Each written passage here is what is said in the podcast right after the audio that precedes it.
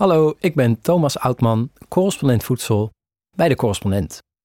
Ik heb een column geschreven over het landbouwakkoord. Het klappen ervan noemt minister Adema een hele trieste dag voor de landbouw en de natuur. Is dat wel zo? Nee. Het is vooral een fantastische kans om de landbouw echt duurzaam te maken. Veel luisterplezier. Het landbouwakkoord is geklapt. Landbouwminister Piet Adema van de ChristenUnie, die het overleg leidde, spreekt van een hele trieste dag voor de landbouw en voor de natuur. Maar voor de landbouw en de natuur maakte afgelopen dinsdag niet heel veel uit.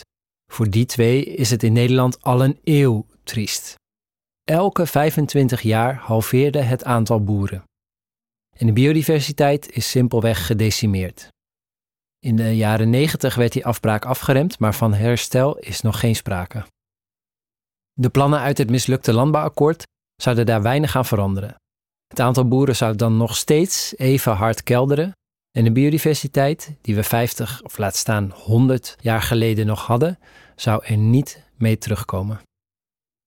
Waar het nu om gaat, is de toekomst van de landbouw en de natuur. En of die triest is, heeft het kabinet zelf in de hand.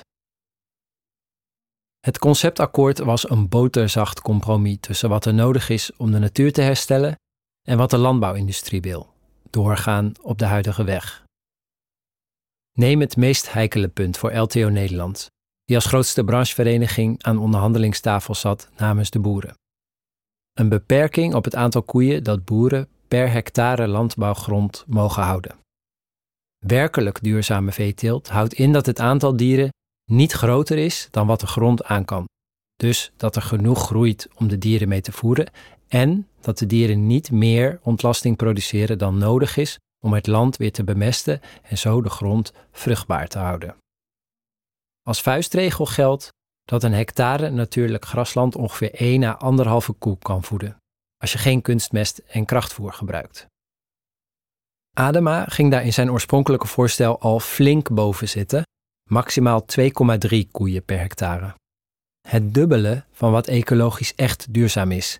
En nogal aan de hoge kant als je bedenkt dat 80% van de veebedrijven nu al minder dan 2,6 koeien per hectare heeft. Na een half jaar onderhandelen met LTO was dat maximum al gestegen naar 4 koeien per hectare. Drie tot vier keer de natuurlijke draagkracht van het ecosysteem. Alleen de meest intensieve bedrijven, vaak megastallen met weinig of geen eigen land, zitten hier nu boven. Dit zijn de bedrijven met een verdienmodel dat valt of staat bij de miljarden kilo's krachtvoer die jaarlijks via de haven van Rotterdam ons land binnenstromen. In het laatste concept landbouwakkoord zouden dus alleen de allergrootste vervuilers in het hele land hoeven te krimpen. En nog was het voor LTO niet genoeg. Het is glashelder voor wie LTO deze strijd voert. De kleine groep superintensieve boeren die graag een duurzame portemonnee wil. De betrokken partijen zeggen het allemaal verschrikkelijk te vinden dat de poging tot een landbouwakkoord is mislukt. Maar ik zie dat anders. Het is een gouden kans om iets volstrekt redelijks te doen. Een kans om het roer om te gooien en de landbouw echt duurzaam te maken. Dat wil zeggen, landbouw waarmee we voedsel uit ons eigen ecosysteem halen en tegelijkertijd het ecosysteem in stand houden. Landbouw die zorgt voor voldoende en gezond voedsel en die voor zowel boeren als consumenten ook financieel houdbaar is op de lange termijn. En dat kan in Nederland. En veeteelt, waar het akkoord om draaide, is een uitstekend middel.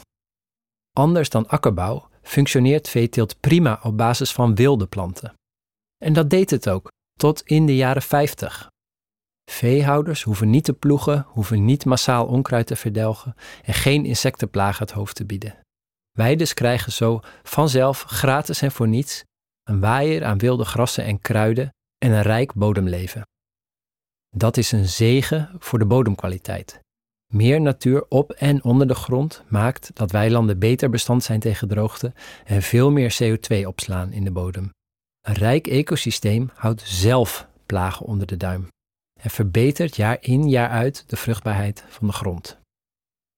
De vruchtbaarste gronden, zoals de Groninger klei, zijn belangrijk om gewassen op te verbouwen voor menselijke consumptie. Graan bijvoorbeeld. De grond die daar van nature minder geschikt voor is, zoals de Drentse zandgronden en de veengebieden die door heel Nederland verspreid liggen, kunnen we gebruiken om de Nederlandse natuur te herstellen en om vee te houden. Want laat één ding duidelijk zijn: het stikstofprobleem is meer dan een abstract juridisch probleem. De vraag waar het kabinet zich nu over buigt, is wat we doen met de helft van Nederland. De helft van Nederland. Dit is ons aller land. Dit gaat ons allemaal aan. Nu is daar bijna geen natuur meer over. Plaats voor wilde planten is er niet meer. En dus ook niet voor wilde insecten, vogels en zoogdieren. We zijn allemaal gewend geraakt aan eentonige, knalgroene, stille weilanden. Gaan we terug naar één koe per hectare? Dan wordt niet alleen het stikstofprobleem opgelost, namelijk de vervuiling van beschermde natuurgebieden die 9% van ons landoppervlak beslaan. Maar wordt de helft van Nederland weer een feest om in te vertoeven. Landschappen vol kleuren en geluiden die elke dag en in iedere regio weer anders zijn. Een feest voor ontelbare organismen, inclusief wij mensen. Maar als we dit willen bereiken, moet het kabinet wel in de buidel tasten. Niet alleen tijdelijk, met geld uit het stikstoffonds, maar structureel. Boeren moeten met één koe per hectare wel een goede boterham kunnen verdienen. Ook al zit daar dan wat vaker pindakaas op in plaats van ham. Wat we nodig hebben is niet een woest aantrekkelijke uitkoopregeling, zodat er zoveel mogelijk boeren vrijwillig gaan stoppen. Wat we nodig hebben is een woest aantrekkelijke omslagregeling. Het kabinet geeft vooralsnog geen enkele aanleiding om erop te vertrouwen dat je straks als boer kan overleven als je niet meer zoveel mogelijk liters melk en kilo's varkenshaas uit je land knijpt.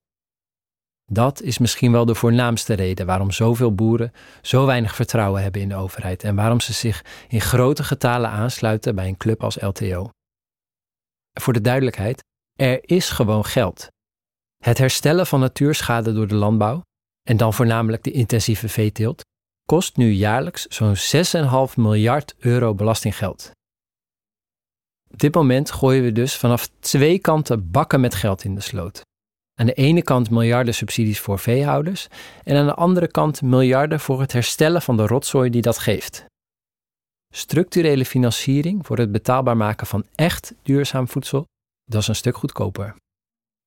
Wat we nu nodig hebben is een minister die het heft in eigen hand neemt en uitlegt hoe we het gaan doen. Het is de missie van de correspondent om voorbij de waan van de dag te gaan. Onze correspondenten voorzien het nieuws van context en schrijven over de grote thema's van deze tijd. De correspondent geeft me de vrijheid om mijn nieuwsgierigheid te volgen en de tijd om verhalen te schrijven. En zo probeer ik onzichtbare structuren zichtbaar te maken en een andere kijk te bieden op debatten die het nieuws domineren. Dan gaat het minder over het spelletje en veel meer over wat er op het spel staat.